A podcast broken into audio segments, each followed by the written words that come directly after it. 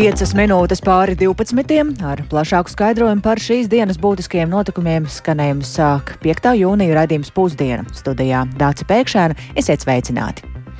Un sākam ar jaunākajām ziņām no Ukrainas, kur turpinās Krievijas sāktais pilna apmēra karš. Kijava ir noraidījusi Krievijas šīs nakts paziņojums par to, ka Ukrainas karaspēks esot sācis plašu ofensīvu frontē valsts austrumos, tikmēr ASV administrācija ir pārliecināta par Ukrainas panākumiem frontē. Man studijā šobrīd pievienojas kolēģis Uldis Ķēsberis, kurš ir gatavs pastāstīt vairāk par jaunākajiem notikumiem Ukrainā. Sveiks, Uldi, un jā, kara darbība Ukrainā šķiet kļūst intensīvāk un līdz ar to arī informatīvais karš pieņems spēkā. Tu esi palūkojies Ko tad par notiekošo frontē ziņo Krievija un ko Ukraina? Jā, nu, Krievijas aizsardzības ministrija šonakt paziņoja, ka Ukrainas bruņotie spēki vakar no rīta it kā esot uzsākuši plaša mērogā pretuzbrukumu vairākos frontes sektoros eh, Donetskas apgabala dienvidos. Un eh, šajā paziņojumā bija teikts, ka operācijas eh, mērķis esot bijis izlausties cauri nu, Krievu aizsardzības pozīcijām, kuras Ukrāņi uzskatot par uh, visvājākajām frontē. Taču, kā paši Krievi apgalvo, viņiem esot izdevies atcist šo pretuzbrukumu. Un uh, Maskava arī apgalvo, ka Ukraina šajā kaujā ir zaudējusi vairāk nekā 250 karavīru un vairākus desmitus uh, bruņu tehnikas vienību. Ukrainas valdības vai bruņoto spēku pārstāvji šo Krievijas pagai, paziņojumu pagaidām nav komentējuši, un arī tādi uzticami neatkarīgi avoti nav apstiprinājuši, ka šāda nu, Ukrainas karaspēka plaša mēroga operācija patiešām būtu notikusi. Bet Ukrainas bruņoto spēku ģenerāla štāba strateģiskās komunikācijas pārvalde šorīt paziņoja, ka mm, Krievija jā, pastiprina informācijas un psiholoģiskās operācijas, lai nu, sociālajos tīklos izplatītu dažādas nepatiesības eh, par um, Ukrainas armijas eh, kaujas operācijām. Un to mērķis, protams, esot destabilizēt, demoralizēt ukraiņu karavīrus un arī maldināt Ukrainas sabiedrību. Nu, taču jāsaka, ka arī paši Ukrāņi aktīvi strādā pie tā, lai psiholoģiski ietekmētu pretiniekus. Un eh, vakar Ukraiņas aizsardzības ministrija eh, sociālajos tīklos publicēja mm, video, kurā ir redzami mm, Ukrāņu karavīri ar Ehm, rādītāju pirkstu pie lūpām, bet pavadošajā tekstā ir rakstīts, ka plāni mīl klusumu, un tāpēc nebūšot oficiāla paziņojuma par ilgi gaidīto uh, pretuzbrukumu, kad tas varētu sākties. Un vēlāk pienāca ziņa, ka šo video pārraidīja arī okupētās Krīmas pussalas televīzijas kanālos, jo Ukraiņu uh, hakeri bija uzlauzuši vietējo kabeļtelevīziju operatoru serverus un palaiduši šo video ēterā. Un, protams, arī Ukrainas sabiedrotie ļoti ļoti rūpīgi seko tam, kas notiek frontē, un šajā ziņā pozitīvi noskaņots ir ASV prezidenta Džo Baidena padomnieks nacionālās drošības jautājumos Džeiks Salivans, kurš intervijā telekanālam CNN sacīja, ka tic Ukraiņu panākumam, un varam paklausīties Salivana teikto. What we want to do is support Ukraine to make as much Mēs vēlamies atbalstīt Ukrainu, lai tā panāktu pēc iespējas lielāku progresu kaujas laukā un tādējādi pie sarunu galda tai būtu pēc iespējas spēcīgākas pozīcijas.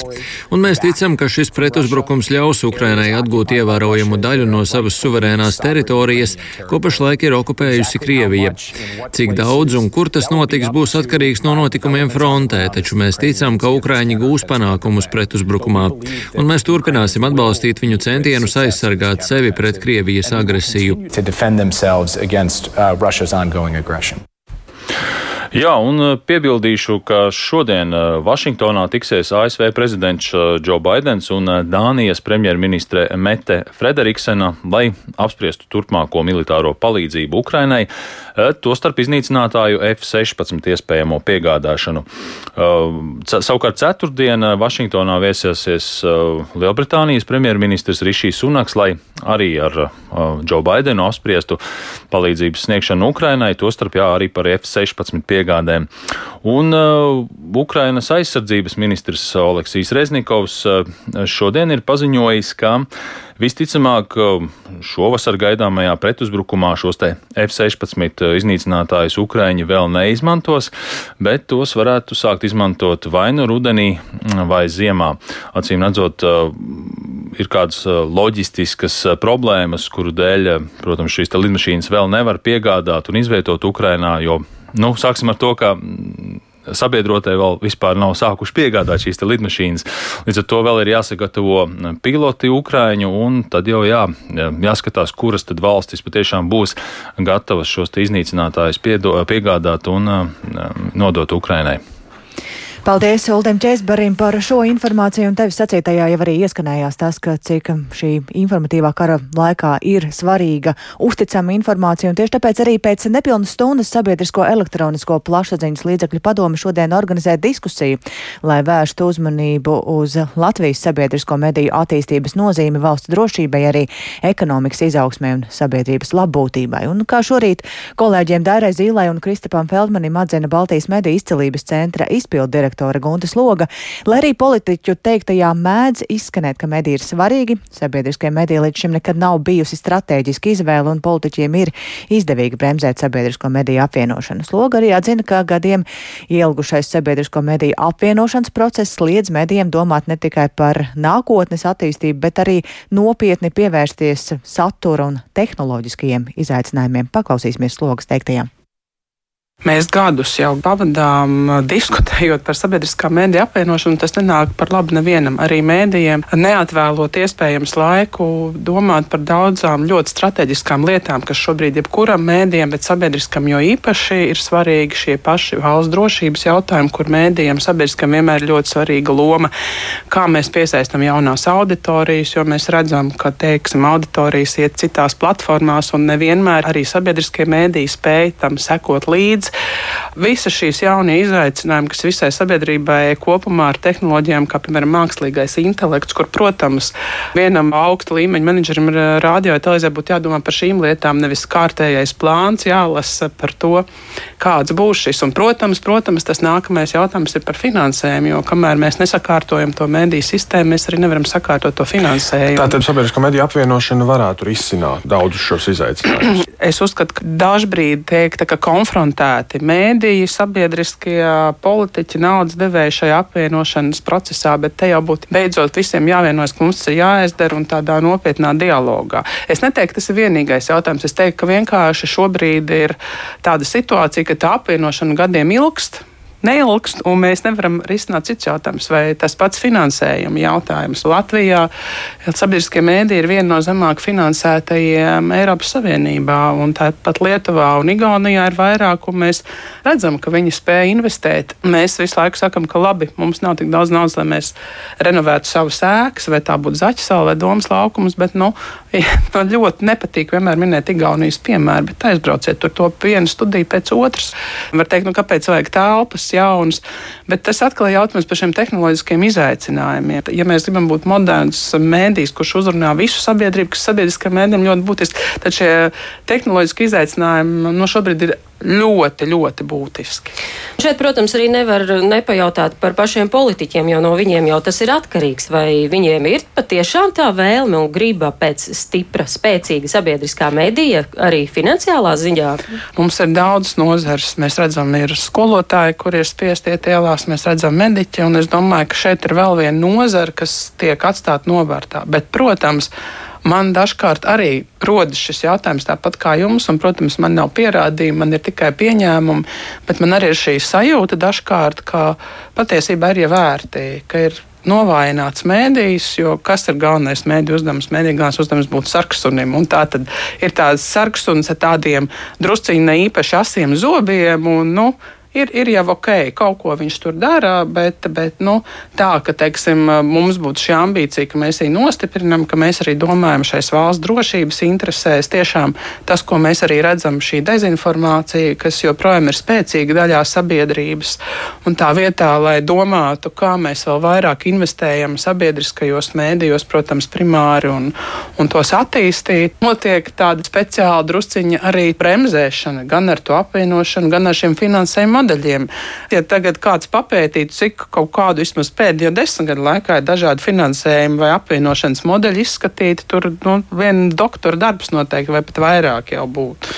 Dažkārt mēs smejamies ar mūsu kolēģiem, ka mēs nodarbojamies dažādiem mēdīju pratības projektiem, un ka mums nebūtu ar mēdīju pratību jāiet pie skolēniem vai pensionāriem, bet ka mums pirmais būtu patiesībā jāveic viens mēdīju pratības kurs politiķiem, citiem augsta līmeņa ierēģiem valstī. Tā Baltijas mediju izcelības centra izpildu direktora Guntas Loga, bet vai sabiedrisko mediju nākotne varētu būt arī tas jautājums, ko apspriedīs koalīcijas sarunās, to skaidrosim šodien vēlāk redzīmā pēcpusdiena. Tagad ir jāpiebilst, ka šobrīd ir izskanējis tas, ka politiķi pagaidām, sagaidot esošās valdības turpināšanu, tas ir esošajā koalīcijā, ko veido jaunā vienotība, Nacionālā apvienība un apvienotais saraksts, un iepriekš ir izskanējis arī tas, ka jautājumi, šajā jautājumā neskaidrība par tālāko procesu varētu varētu saglabāties līdz pat Jāņiem. Un gana daudz neskaidrību joprojām ir arī par skolu tīklu. Tuvāko gadu laikā Latvijā būtu jāslēdz vai jāreorganizē vēl desmitā daļa Latvijas skolu. To paredz Izglītības un zinātnes ministrijas rīcības plāna projekts, un pašvaldības Latgalē šāda Izglītības un zinātnes ministrijas pieeja skolu tīkla sakārtošanā neapmierina. Vairāk par to Īvetas Čigānas sagatavotajā ierakstā. Šobrīd Latvijā ir 647 vispārējās izglītības iestādes, un Izglītības un zinātnes ministrijā plāno, ka pārmaiņas skars aptuveni 60 skolu. Vadoties pēc ministrijas izveidotās vidējās izglītības iestāžu jaunās kartes, Rēzeknes novadā no tagadējām sešām vidusskolām paliks tikai viena. Kā skaidro Rēzeknes novada izglītības pārvaldes vadītājs Gunters Skudra, pašvaldības attīstības stratēģijā bija iestrādāta katras pagastu apvienības attīstība un bija plānota arī iespēja iegūt vidējo izglītību. Tagad šie plāni sabrūk. Pēc viņu kartējuma mums paliek tikai viena Maltas vidusskola. Novadu apmeklēja Izglītības un zinātnes ministrijas izveidotā darba grupa, kas pētīja situāciju pašvaldībās. Visā šajā darba grupā no februāra līdz šim laikam dominēja šie kritēriji. Jā kuri pietiekami bija tādi drastiski, vai kā pateikt, kā nepatīkami pašvaldībām, ir tīpaši lauku skolām, ir tīpaši tām pašvaldībām, kas atrodas pierobežu teritorijā, un tas, kuram ir zema blīvuma, gan iedzīvotāju skaits, gan skolēnu skaits ir mazs. Jā. Tas tikai parāda to, ka nākotnē varētu iztukšoties lauki vēl vairāk. Pēc statistikas datiem 2010. gadā Latvijā bija 858 skolas. Uz šo brīdi to skaits sarucis par vairāk nekā 200. Balvu novadā šajā laika posmā reorganizētas un likvidētas deviņas izglītības iestādes. Kā uzsver balvu novada domas prieksēdētājs Sergejs Maksimovs, process turpinās, taču viņa prāt šādā veidā uz izglītības tās pieejamības rēķina valstī tiek risinātas ekonomiskās problēmas. Šobrīd svarīgākais jautājums, ko sabiedrība, varbūt arī pašvaldībā gribētu saprast, kāds ir šīs izglītības reformas mērķis. Un eh, vienīgi, ko mēs varam saskatīt no šīs izglītības eh, reformas mērķa, tas ir taupīt līdzekļus. Krasēs vidusskolu skaita samazinājums pierobežā, likvidējot vidusskolas Zilupē, Ciblā, Kārsavā, Baltinavā, Rekavā, atklāja situāciju, kad pierobežā paliek vien trīs vidusskolas - Ludzā, Viļakā un Balvos. Sergijs Maksimovs uzskata, ka skolēnam mērot ikdienu, piemēram, 60 km turp un atpakaļ uz skolu ir grūti, bet izmantot dienesta viesnīcas pakalpojumus, kas izmaksā ap 200 eiro mēnesī. Vidējā ģimene no laukiem mācības vidusskolā varēs nodrošināt labi, ja tikai vienam bērnam. Valsts šobrīd diskutē par to, ka uh, vidēja izglītība būs obligāta, un tajā pašā laikā rada vidi, kur šī izglītība nebūs pieejama, jo lielākai daļai ģimeņu saimniecību uh, Latgales uh, un Latvijas pierobežā tas vienkārši būs finansiāli nepaceļams. Pagājuši piekdien Latvijas pašvaldību savienības un izglītības un zinātnes ministrijas ikgadējās sarunās norisinājās aktīvas diskusijas un viedokļu apmaiņa par ilgspējīgu efektīvu skolu tīklu.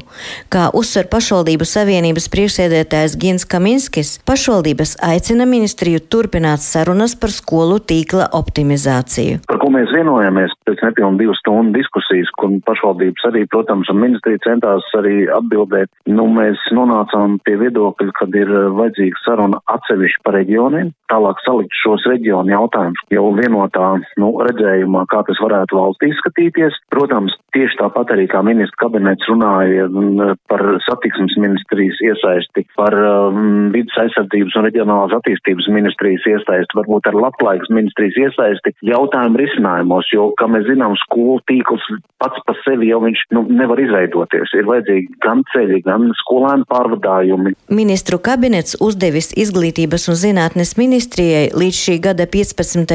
augustam iesniegt izskatīšanai ministru kabinetā informatīvo ziņojumu ar skaidriem kritērijiem skolu tīkla reformai, vērtējumu par tā ietekmi uz izglītības kvalitāti un pārvaldību, iespēju to nodrošināt, kā arī veikt ietekmes uz valsts un pašvaldību budžetiem izvērtējumu. Iveta Čigāne, Latvijas radio studija Latgalē.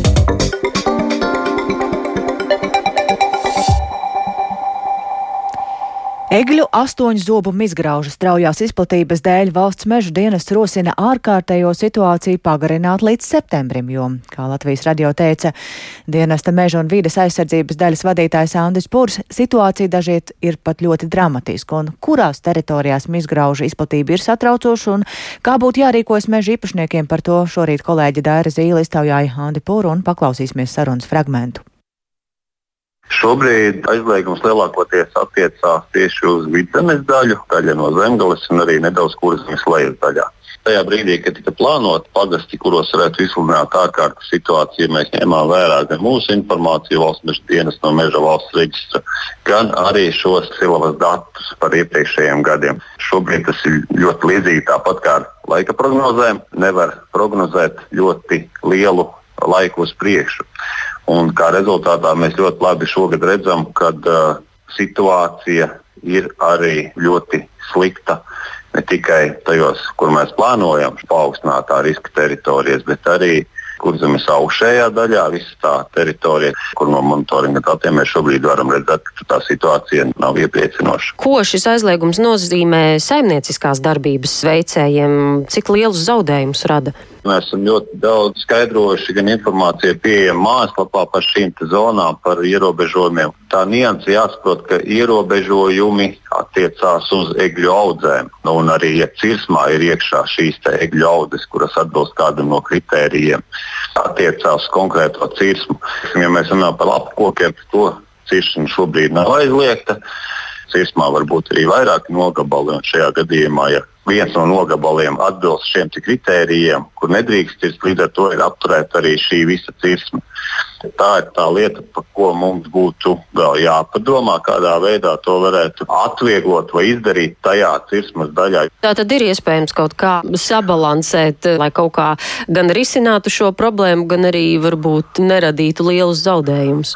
Tur ir jāmeklē un jāskatās šie risinājumi, jo ārkārtas situācija izsludinātā beigsies 30 jūnijā, tad, protams, jautājums par šo pagarināšanu. Visticamāk, ka pagarināšana būs, bet tad, saku, mums ir jānāk un jāizspriež labākie varianti un kādā veidā mēs varētu, ņemot vērā augsto risku, regļu astoņzobu izgrauzi un viņa ciklu, tomēr skatīties arī, lai varētu veikt arī mežsaimniecisko darbību.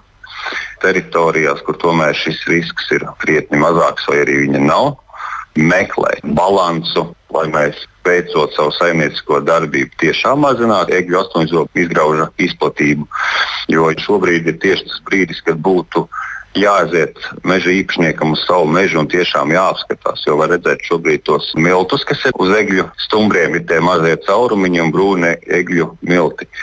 Un tā ir tā pirmā pazīme, ka mēs skaidri zinām, ka viņš jau mums tur ir svaigais astoņzobu izgrauds ir iekšā kokā.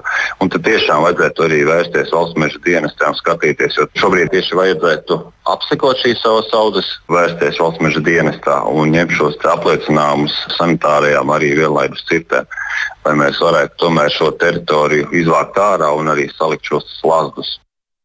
Tā valsts meža dienesta meža un vides aizsardzības daļas vadītājs Andis Purs un šo tematu par egļu astoņu zobu izgraužiem to izplatības ierobežošanu arī turpināsim ar plašāku skaidrojumu raidījumā pēcpusdiena.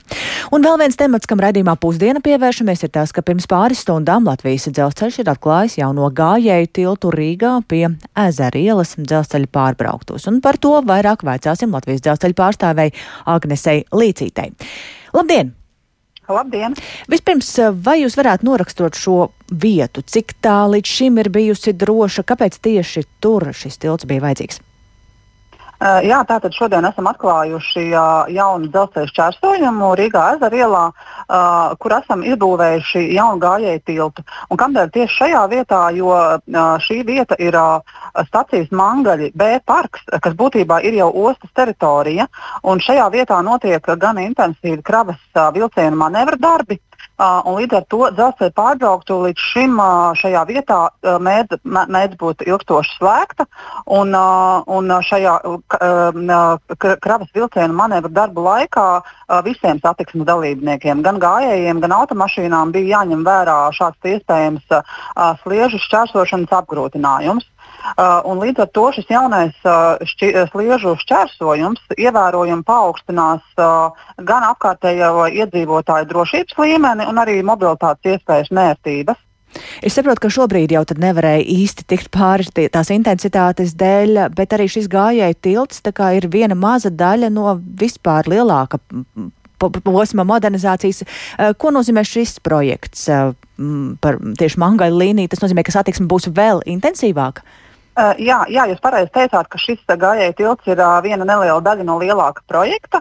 Projekta nosaukums ir Rīgas dzelzceļa mezgla posmā Sarkandaugam Mangaļa ziemeļblāzma uh, modernizācija. Un, uh, līdz šī gada beigām uh, tiks pabeigti uh, vairāki vēl darbi.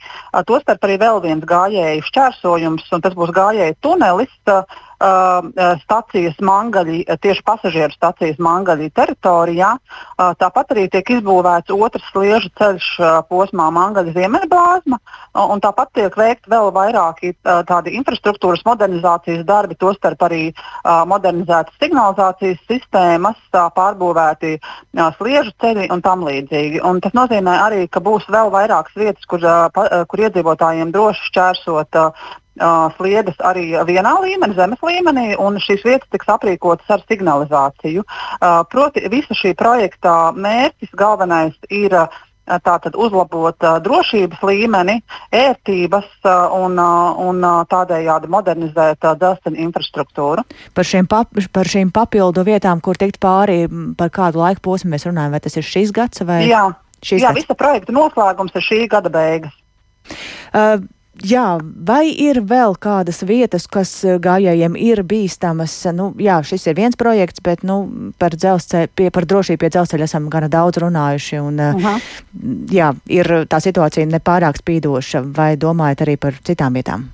Eh, protams, eh, mēs nemitīgi attīstām mūsu infrastruktūru un uzlabojam arī eh, drošības līmeni. Tostarp arī līdz šī gada beigām tiks izbūvēti drošības žogi tieši Rīgas teritorijā, aptuveni 20 km garumā. Un arī šis projekts, protams, būtiski uzlabos drošības līmeni, lai, lai cilvēki neatļautās vietās nešķērsot, nešķērsot sliežu ceļus un neapdraudētu savu dzīvību un veselību. Un arī Rīgā ir vēl kādas citas vietas, kur ir vajadzīgi šādi mm, nu, jā, šķērsošanas vietas. Uh, nu, jā, protams, mēs, mēs uh, vērtējam, skatāmies, kurās vietās uh, šī bīstamība ir augstāka un, un, un pamazām uh, uzlabojam šo drošības līmeni dažāda, dažāda veida paņēmieniem. Uh, Un, kā jau minēju, tas tuvākais projekts ir Mangaļa pasažieru stacija, kurā tiks izbūvēts arī šis te, um, uh, gājēju tunelis zemesliedēm. Un ārpus Rīgas? Uh, konkrētus projektus šogad uh, nevar nosaukt. Uh, Bet, protams, ka mēs uh, skatāmies un, uh, un domāsim arī uh, tālāk uh, jau par citiem projektiem nākotnē. Paldies! Mēs sarunājāmies ar Latvijas dzelzceļa pārstāvi Agnesi Līdzīti. Atgādināšu, ka šodien ir atklāts tātad gājēju tilts Rīgā pie ezera ielas, lai gājēji varētu drošāk šķērsot dzelzceļa pārbrauktuvi. Un ar to arī izskan raidījums pusdiena, ko veidoja producenta Ilza Agīnta, ierakstus montēja Uldis Grīnbergs par labskaņu rūpējās Toms Šupeko un ar jums sarunājās Dāce Pēkšēna. Ēterā mēs tiekamies atkal rīt, bet mūsu raidījums arī atrodams sevērtā laikā Latvijas radio mobilajā lietotnē, tāpat arī citās raidierakstu platformās meklējot dienas ziņas. Un mūsu ziņas atrodams arī sabiedrisko mediju ziņu portālā LSMLV un arī sociālajos tīklos, kur kur mums var sekot līdzi. Uztikšanos! Yeah.